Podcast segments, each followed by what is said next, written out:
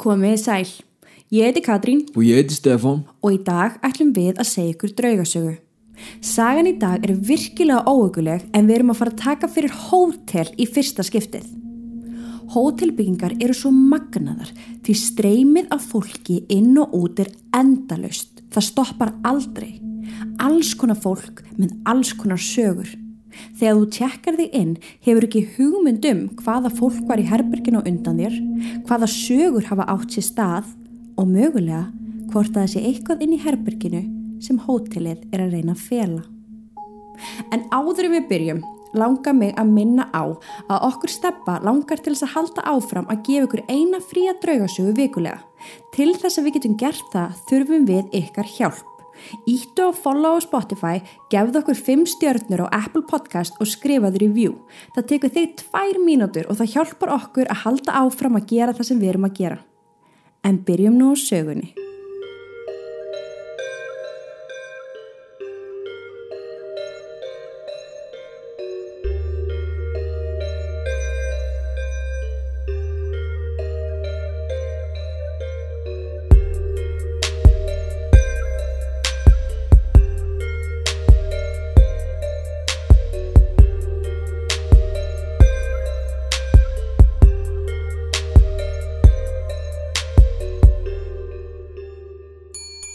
Velkomin á Crescent hótelið. Það er staðsett í norðvestur hluta Arkansasfylki í bæjarfélagi sem ber nafni Eureka Springs og dregur nafnsitt frá jarðhitasvæðinu sem bærin er byggður ofan á. Þeir gufukverir sem umleikja svæðið voru taldri bera mikinn lækningamátt um aldamótin 1800 og sérstaklega drikjavatnið úr náttúrulindunum. Árið 1886 var hótelið reist eftir hönnun Ísak Taylors og líktist fornum frönskum kastala. Byggt úr graníti og þykkum sandstein sem sagður er geima orku og afl. En við höfum áður talað um Stone Tape Theory þar sem við útskýrum fyrir ykkur hversu móttækilegar þessar ákveðnu steintegundir eru. Ímsar endurbætur hafa þó verið gerðar við bygginguna í gegnum árin og húsið þar með tekið hægt og rólega á sig allt aðra mynd en upphaflega var. Í andir í húsins beinast augun strax að miðpuntinum sem er risastór grjót arinn með útskornum stittum og munstri. Svo er matsalur sem gæti tekið á móti alltaf 500 manns í einu og var á stærði körfuboltavöll. Marmari var á öllum gólfum, stórir rósagarðar og bar öll þau þægindi sem þeir allra efnuðustu sóttust eftir, rafmagn, hítalagnir, tennisvellir og fleira. En reksturinn átti erfitt uppdráttar og var hótelinu fljótt lokað og stóð aukt til 1904 en þá var því breytt í heimavistaskóla engungu fyrir stúlkur. Stopnunin rak starfsemi í um 20 ár þar til því var breytt í almenna skólavist fyrir ungmenni eða allt til ársins 1934 þegar húsið var leikt út á sumrin sem gisti aðstafa. En árið 1937 eða um þremur árum síðar kom til sögunar miljónamæringurinn og útvarpskongurinn Norman Baker. En hver var Norman Baker? Mér langar til að byrja á því að segja ykkur að hann var algjör sjarmur. Hann kom vel fram, var alltaf snirtilegu til fara og fólki líkaði almennt vel við hann. Hann var frumkvöðull eins og pappi sinn, bjóð til alls konar hluti og stopnaði fyrirtæki. En Baker hafði einstaklegan, eða mér langar ég að vilja segja sjúglegan, áhuga á því hvernig hugurinn virkar. Frá unga aldri hafði hann alltaf heitlast af leiklist svo mikið að þegar Baker var ungur maður stopnaði hann sinn eigin leikhóp sem snýrist engungu út á það að blekja fólk með alls konar síndarrömmurleika. Þar prófaði hann alls konar hluti, þar á meðal dáleðislu. Honum fannst svo magnað að það væri hægt að blekja hugan. Hann byrjaði svo í útvarpi og það er bannað að skamma mig því ég er ekki með tæknilegu hliðina alveg á hreinu en ég veit að hann fann upp einhverja útvarpsbylgjur eða allavega einhverja leið til þess að útvarpstöðin hans næði til mun fleira fólks heldur en aðrar útvarpstöðvar. Með gáfur og sjarma og núna í útvarpi var hættuleg blanda fyrir mann með jafn mikla valda þörf og Norman Baker var með. Hann varð súper vinsæl og hann notaði þessar vinsældir sínar til þess að koma sér áfram og rakka niður samkeppnisaðila. Ég veit ekki af hverju en á 50s aldri fer Norman Baker að hafa mikinn áhuga á krabbaminni og í byrju 19. aldar var ansi mikil þróun þegar kom að lækningu krabbamins. Læknar voru byrjaðar að skera sjúklinga upp og fjarlæga meinið í mun meira mæli en áður. Mögulega var Beikir áhuga samur um þetta sjálfur því hann var að eldast en eitt er þó alveg örugt og það er að Beikir var tækifæri sinni. Hann sá að krabbamenn var á vörum fjölda fólks og engin lækning hafði verið fundin. Hann fyrir rannsóknarvinnu og deilir því með hlustundu sínum í útvarpinu. Og munum það, fólk treysti Beikir. Hann var klár og flottur maður sem fólk hafði hlustað á í útvarpinu í einhver ár. Hann kynir svo til sögunar lækningu við krabbamenni. Hann kaupir húsið sem við erum að fjalla um, breytir því sjúkrahús og tillar sig sem lækni, þó hann hafi aldrei stundar læknisfræði. Hann sagaði almennaspítala um sveik, taldi þó vera fela lefið fyrir fólki svo að það þyrst að liggja mánuðum saman á spítala. Hann notaði allan þann samfæringakraft sem hann hafði þróað með sér í gegnum árin í útvarpinu til þess að sannfæra fólk um að trúa engöngu honum og koma til hans til þess að fá viðingandi meðferð við krabbamenni. Almennir spítalar og læknar væru svikarar. It's no better time to have cancer, sagðan, því þetta átti allt að vera svo auðvelt. Töfralösnu var fundin og það eina sem þú þurftur að gera var að koma til hans. We in medical science are well cancer is one of the most deadly and elusive enemies faced by man. All too often it is that goes untreated until at last. Fólk flyktist til Eureka Springs í hundruðum í þeirri trú að geta læknast af krabbamenni og margir seldu allar eigur sínar til að komast að hjá þessum lækni. Norman Baker sprautaði hundruði með krabbaminnslefinu sem hann bjóð til sem innihjalt ekkert mikið meira en humla, vassmelónu fræ, ópjum, gras úr gardinum og svo auðvita töfravatninu. Meðferðin var þannig að sjúklingur var sprautaður sjö sinnum á dag beint í ægslið. Hann sendi yðurlega bref til aðstandenda sjúklinga þar sem hann óskaði eftir peningum til áframhaldandi meðferðar þó umrættir sjúklingar hafi oftast verið laungu dánir eftir þessar tilhörnir hans. Hann framti fjölmarkar aðgerir þar sem hann fjarlæði líffæri úr sjúklingum þó hann hafi ekki haft neina hugmyndum hvað hann var að gera því eins og áður er sagt hann stundaði aldrei læknanám. Spítalinn gemdi aldrei neinn skjöl eða skýslur um sjúklinga sína og er fjöldi sjúklinga sem lágu inni því ekki með fullu vitaður. Það voru að minnstakosti 300 sjúklingar sem vitaður um sem að hurfu á undarlegan hátt eftir að hafa lagst inn á spítalan. Engar skýslur, engin lík, engar grafir. 300 manns sem nákvæmlega ekkert er vitað um og engin veit hvað varð af. Í líkhúsinu sem er í kjallaranum gemdi Norman Baker að látna sjúklinga í einu læstu herbergi. Þegar fólk dó krafðist hann þess að fá að skera ægslið eða krabbaminnið burt til að geima í krukku. En hann let sér það ekki næja, heldur fór að skera heila, hjörtu og önnur lífari líka til að geima í krukku upp á vegg. Krupningarbekkurinn hans er enn þann dag í dag í kjallaranum í þessu gamla líkhúsi og engin veit hversu mörg lík hafa leið á þessum bekk og látið lífið undir hnýpnum hans. Allt í kjallarahúsins hefur verið nákvæmlega endurgert frá tímum spítalastarðseminar og margir af þeim munum þeir upprunalegu. Einnig má sjá plaggut með auglýsingaherrferðum Norman Bakers þar sem fyrirsögnin var Cancer is curable.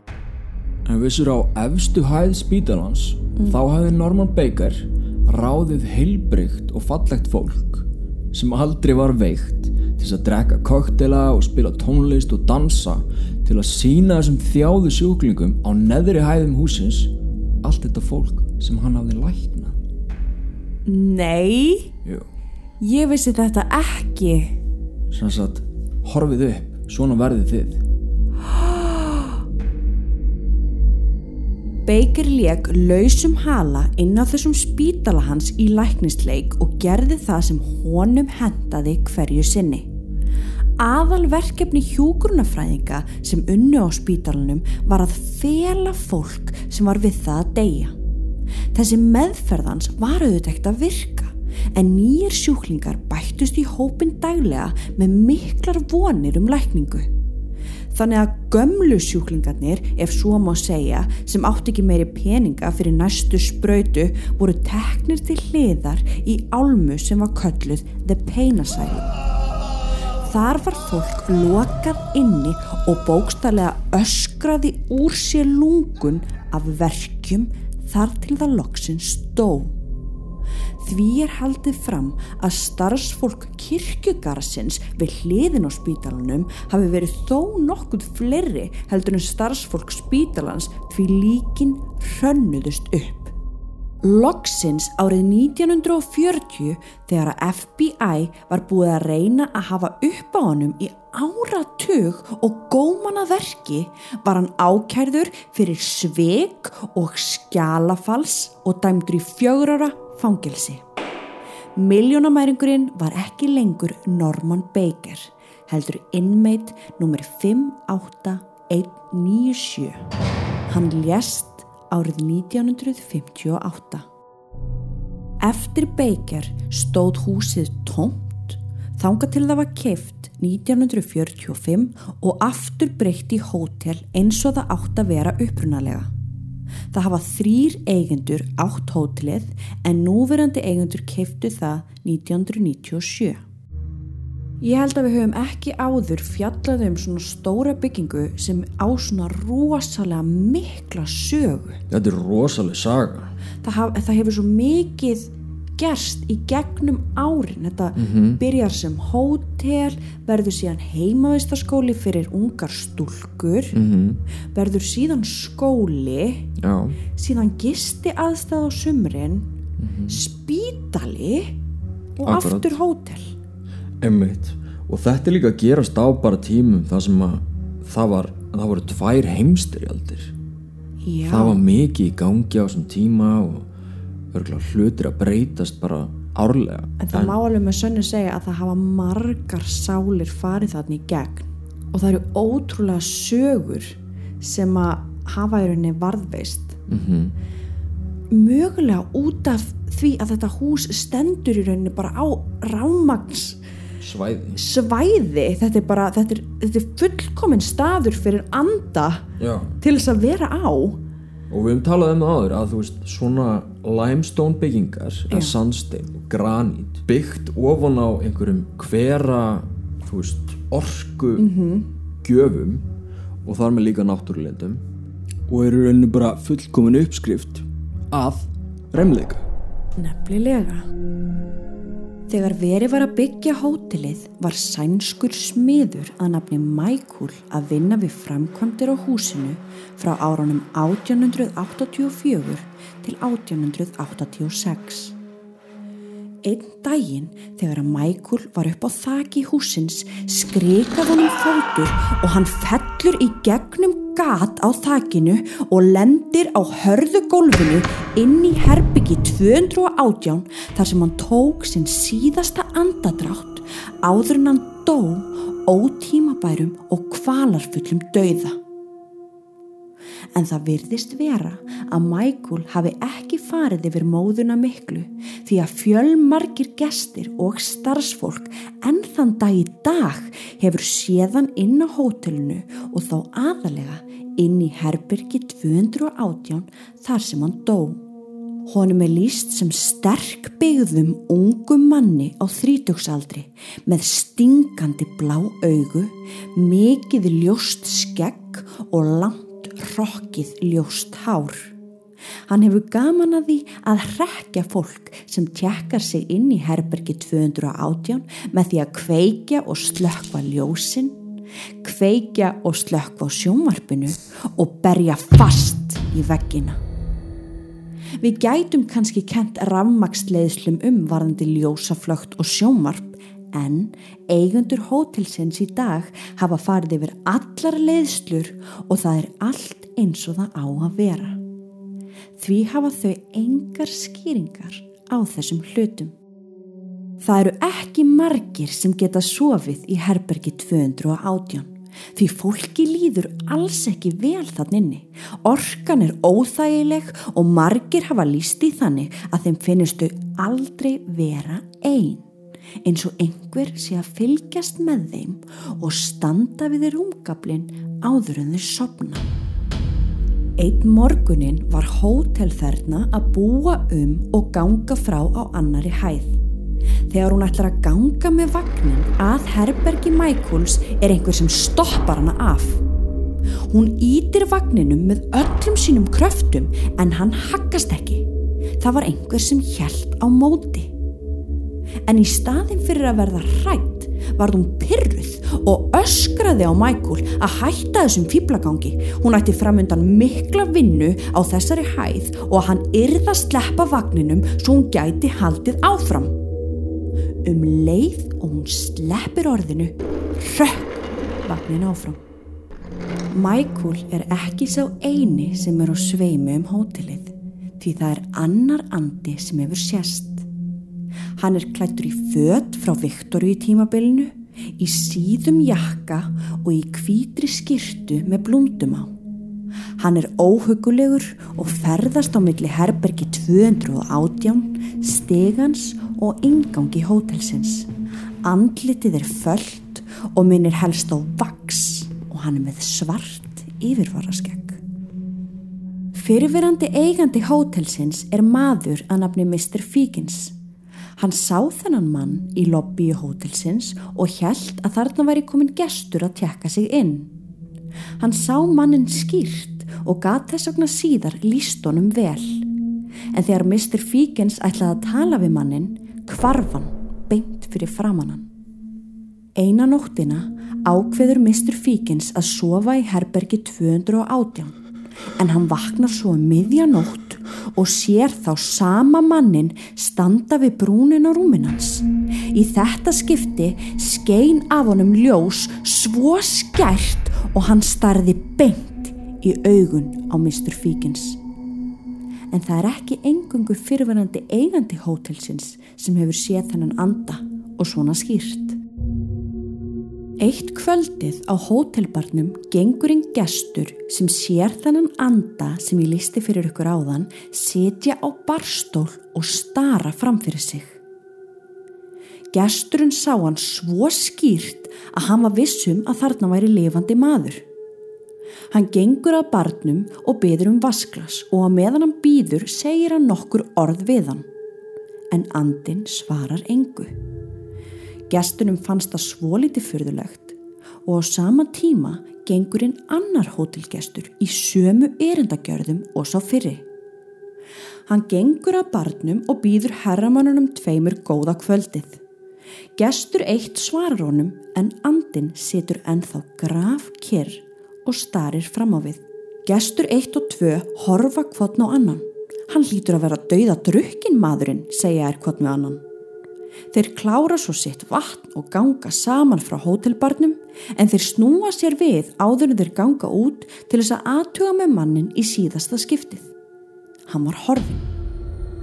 Þeir trúði ekki sínum eigin augum en það var barinn þannig byggður að það var einungis ein leið inn og út í gegnum lobbyið þar sem þeir núna stóðu.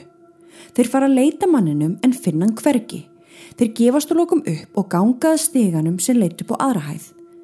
Efst í steganum sjá þeir mannin aftur. Hann stendur graf kyrr og horfir á þá með stingandi augnaráði. Gestur eitt hleypur upp stegan og kalla til mannsins en aftur hverfur hann. Allt í einu finnur gesturinn einhvern íta á baki á sér með svo miklu afli að hann getur ómögulega streyst á móti. Honum er ítt niður allar tröppurnar, allar leiði niður í lobby. Mennin tveir verða svo hrættir að þeir fara til hótelstjórans og segja hann þess að sögu. Þeir tekkuðu sér út morgunin eftir. Nokkrum dögum síðar á sunnudegi var helgarstarfsmaður og vakt í lobbyi hótelsins. Þetta var snemma morguns svo engin var á stjá. Þá sér hann allt í einu hurðina vinstra megin við sig sem var svona tvöföld og þung hurð opnast harkalega og á sama tíma kom kaldur gustur í gegn sem náði alla leið að þjónustuborðinu þar sem hann stóð. Þessi gustur var svo öflugur að hann þeitti öllu á borðinu um koll. Starfsmaðurinn starir á hörðuna og gengur aðinni. Hann vissi að það hefði ímislegt gengið á í herbergi 218 en hann hafði aldrei orðið vitni að neinu svona og hvað þá í lobbyinu. Þegar hann kemur á hörðinni lítur hann í kringum sig til þess að reyna að fá útskýringu á þessu öllu saman en það eina sem hann sér er að hörðin er beint fyrir neðan herbergi 218.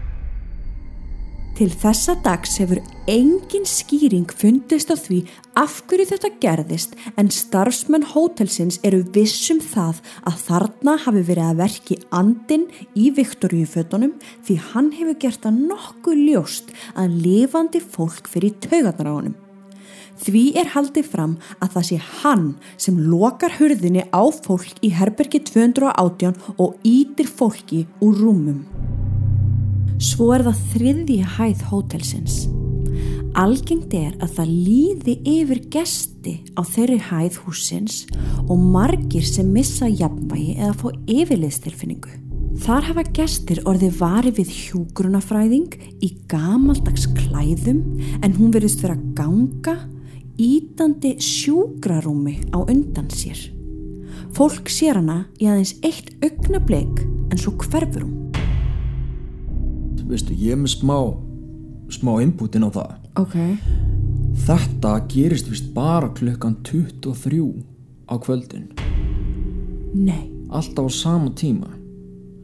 En málið er líka að klukkan 23 11 á kvöldin það var akkurat tíminn þegar allir voru sofandi þegar þetta var spítali og látnir krabbamennsjúklingar voru færðir á líkhúsið svo enginn sæði til. Nei. Jú. Klukkan 23 Já, En ógulegt já, og þarna er hún emitt örgulega að íta einhverja Ói.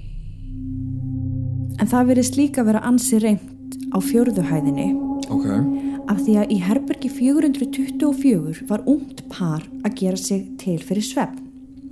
Allt í einu gengur maður inn í herbergi þeirra og inn á baðherbergi og hótelherbergi á þannig að þú lappaði semst inn um hörðina og bara beint til hægri var baðherbergi þannig að Já. þau sáum bara kom einhvern veginn inn og bara beint til hægri inn á baðherbergi. ok Þau rökkva við en það var hörðin þeirra læst og þau áttu ekki von á neinum gestum en þau sáum mannin það skýrt að það fyrsta sem þeim datt í hug var að hann væri að fara bara herbyggjavilt. Já, bara hver er þetta? Strákurinn kallar á mannin og gengur inn á baðherbyggi en það var það gal tómt. Þau tekkuðu sig út sama kvöld. Það eru líka margir sem telja að sjálfur Norman Baker hafi aldrei yfirgefið hótelið. En starfsfólk segist hafa séðan að ráfa um kjallaran ringlaður eins og hann sé að leita að einhverju.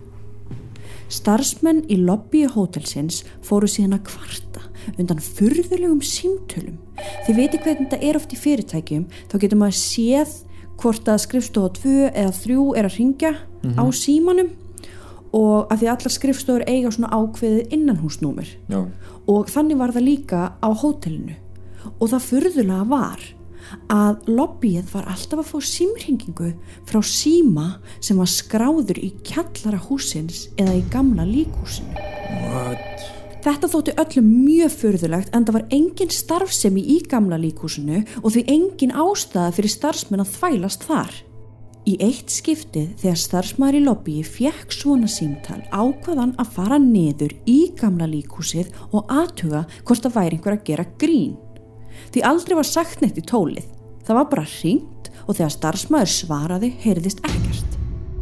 Hann leggur tólið frá sér án þess að skella á og gengur niður stegan, niður í kellara og að líkhúsinu. Hann komst að því að líkhúsið var læst. Hann opnar hurðina með likli og sér engan að inni. En hann sér síman og sér tólið hanga á snúru niður eftir vegnum, líkt og einhver hafi bara sleft símanum í staðin fyrir að skella á. Hann gerir ekkert þann inni, hann lokar hurðinni, læsir og gengur aftur upp. Hann setur símtólið á símanum í lobbyinu aftur á og fer að sinna öðrum verkum. Þremur mínútum síðar ringir símin aftur og aftur sér hann að símtalið er frá kjallara húsins þar sem hann var. Hann svarar ekki símanum og hann fór aldrei aftur neyri kjallara. Hann vissi hver var að ringja.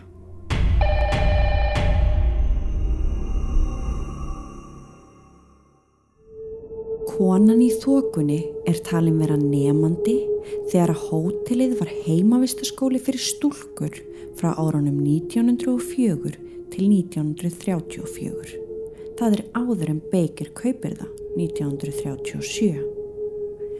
Reglulega sést til hennar og oft en ekki alltaf en þó alltaf á sama tíma klukkan 22.30 þegar að sést til tungls byrtist ung kona klætt í kvítan kjól um vafinn þókukendri skíaborg falla niður af austur svölum hótelsins á fjörduhæð og öskur heyrast rétt áður en hún skellur á grasflötina í hótelgarðinum.